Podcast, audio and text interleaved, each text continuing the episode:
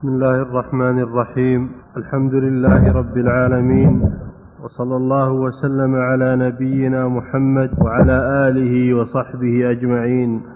أما بعد قال المصنف رحمه الله تعالى عن أبي هريرة رضي الله عنه قال بعث رسول الله صلى الله عليه وسلم عمر على الصدقة فقيل منع ابن جميل وخالد بن الوليد والعباس عم النبي صلى الله عليه وسلم فقال رسول الله صلى الله عليه وسلم ما ينقم ابن جميل إلا إن كان فقيرا فأغناه الله تعالى.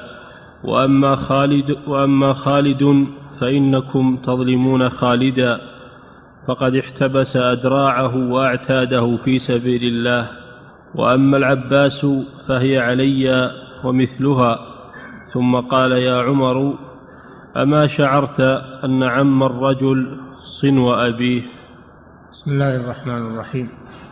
الحمد لله رب العالمين صلى الله وسلم على نبينا محمد وعلى آله وأصحابه أجمعين.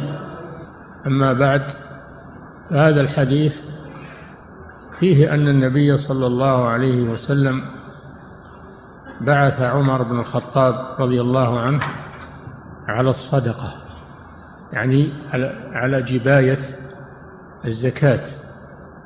فهذا فيه دليل على أن ولي الأمر يرسل العمال لجباية الزكاة ويختار الأمناء الثقات الذين يقومون بالأمانة. ولا يختار الذين لا يوثق بهم. فقد أرسل النبي صلى الله عليه وسلم مرة رجلا يقال له ابن اللتبية على الصدقة فجاء إلى الرسول صلى الله عليه وسلم وقال هذا لكم وهذا أهدي إلي. فاستنكر النبي صلى الله عليه وسلم ذلك وخطب وقال ما بال الرجل نوليه على شيء مما ولانا الله عليه أو كما قال صلى الله عليه وسلم. ثم يأتي ويقول هذا لكم وهذا أهدي إلي. أفلا جلس هذا في بيت أبيه وأمه؟ فينظر هل يهدى إليه؟ أنكر عليه النبي صلى الله عليه وسلم. غاية الإنكار على رؤوس الأشهاد. وقال صلى الله عليه وسلم هدايا العمال غلول. ويعني العمال والموظفون الذين يتولون الأعمال لا يجوز لهم أن يأخذوا من الناس شيئا من باب الهدية أو من باب الرشوة أو من باب كله رشوة سواء سميت هدية أو سميت رشوة أو سميت بغير ذلك من الأسماء. فالذي يولى عملا من أعمال الدولة يجب أن يكون أمينا لذلك. وها هو الرسول صلى الله عليه وسلم اختار عمر بن الخطاب رضي الله عنه. اختار أقوى الرجال وآمن وأكثر وأقوى الرجال وأكثر الرجال أمانة رضي الله عنه. فجاء عمر رضي الله عنه وقال منع ابن جميل وخالد بن الوليد والعباس بن عبد المطلب. هذا فيه أن العامل يبين ما حصل يبين ما حصل ولا يسكت بل يبين لولي الأمر ما حصل من الناس. ولا يسكت عنهم.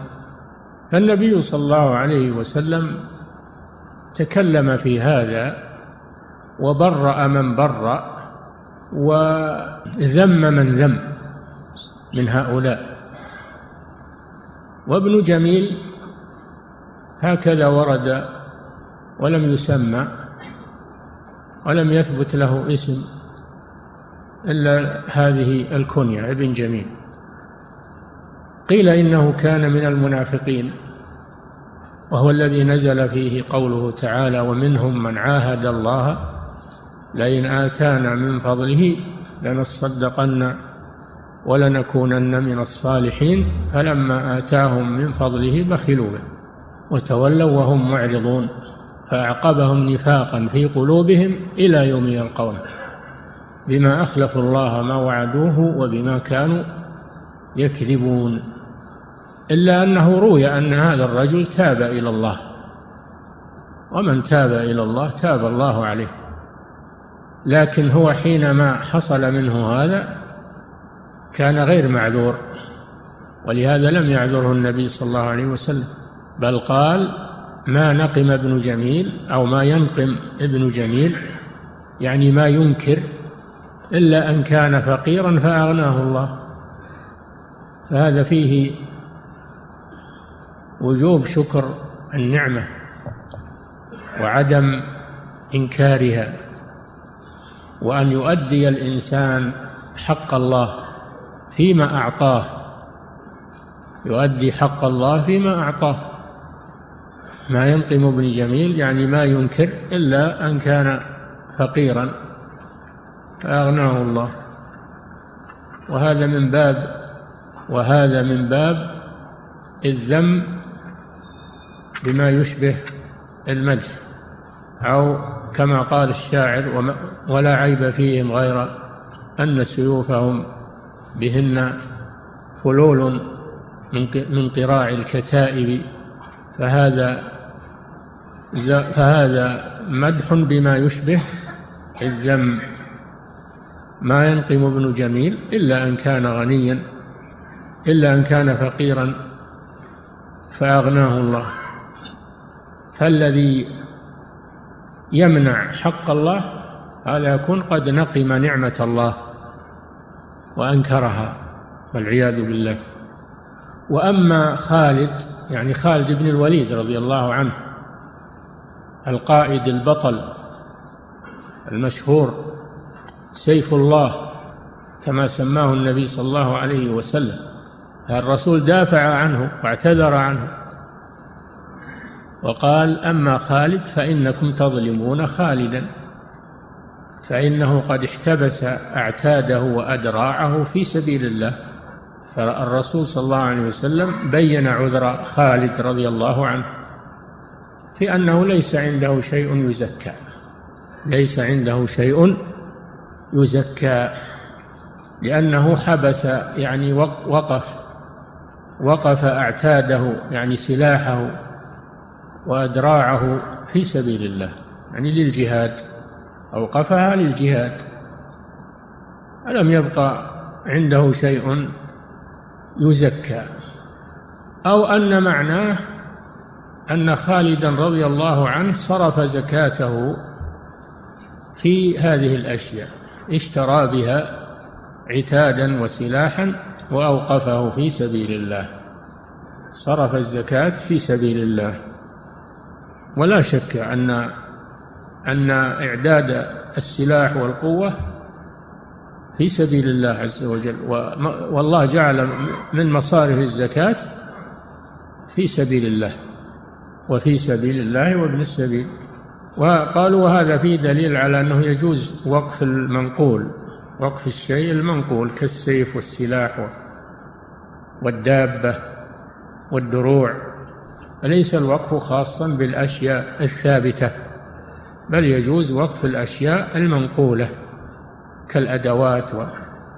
وأما العباس بن عبد المطلب عم النبي صلى الله عليه وسلم النبي صلى الله عليه وسلم اعتذر عنه في أنه قد أدى الزكاة معجلة. أخذ منه الرسول صلى الله عليه وسلم الزكاة معجلة فهي علي وأمثالها أي أنها عندي قد أخذتها وقبضتها منه. هذا قول. وقيل المراد أن الرسول تحملها عنه أن الرسول صلى الله عليه وسلم تحملها عن عمه. أما أنه يعفي أحدا من الزكاة الرسول صلى الله عليه وسلم لا يعفي أحدا من الزكاة أبدا. فخالد عذره أنه لم يبقى عنده شيء للزكاة أو أنه أخرج الزكاة وجعلها في سبيل الله. والعباس إما لأنه عجلها أو لأن الرسول صلى الله عليه وسلم تحملها عنه. فبين صلى الله عليه وسلم عذر المعذورين وذم الذين لا عذر لهم. ذم الذين لا عذر لهم. وهذا من العدل والإنصاف منه صلى الله عليه وسلم. ثم إنه بين ما لعمه العباس من المكانة لأنه عم الرسول صلى الله عليه وسلم. ومن أقرب قرابة الرسول صلى الله عليه وسلم فله فضل القرابة فضل الصحبة ولا يجوز الكلام فيه. ولهذا قال لعمر يا عمر ألم تعلم أن عم الرجل صنو أبيه والصنو معناه النخلتان تكونان في أصل واحد. قال تعالى وفي الأرض قطع متجاورات وجنات من أعناب ونخيل آه، وجنات من أعناب وجنات من أعناب وزرع ونخيل صنوان وغير صنوان يعني ثنتين في أصل واحد أو كل واحدة في أصل مستقل.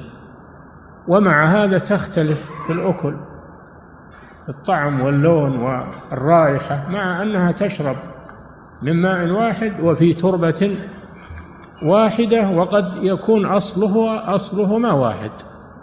هذا دليل على قدرة الله سبحانه وتعالى. صنوان وغير صنوان يسقى بماء واحد ونفضل بعضها على بعض في الأكل. بعضها جيد وبعضها ردي وبعضها أحمر وبعضها أصفر وبعض معا كل المنبت واحد والماء واحد. هذا دليل على قدرة الله سبحانه وتعالى ورد على أهل الطبيعة. الذين يقولون أن الأشياء ترجع إلى الطبيعة. لا الأشياء ترجع إلى قدرة الله جل وعلا وخلقه سبحانه.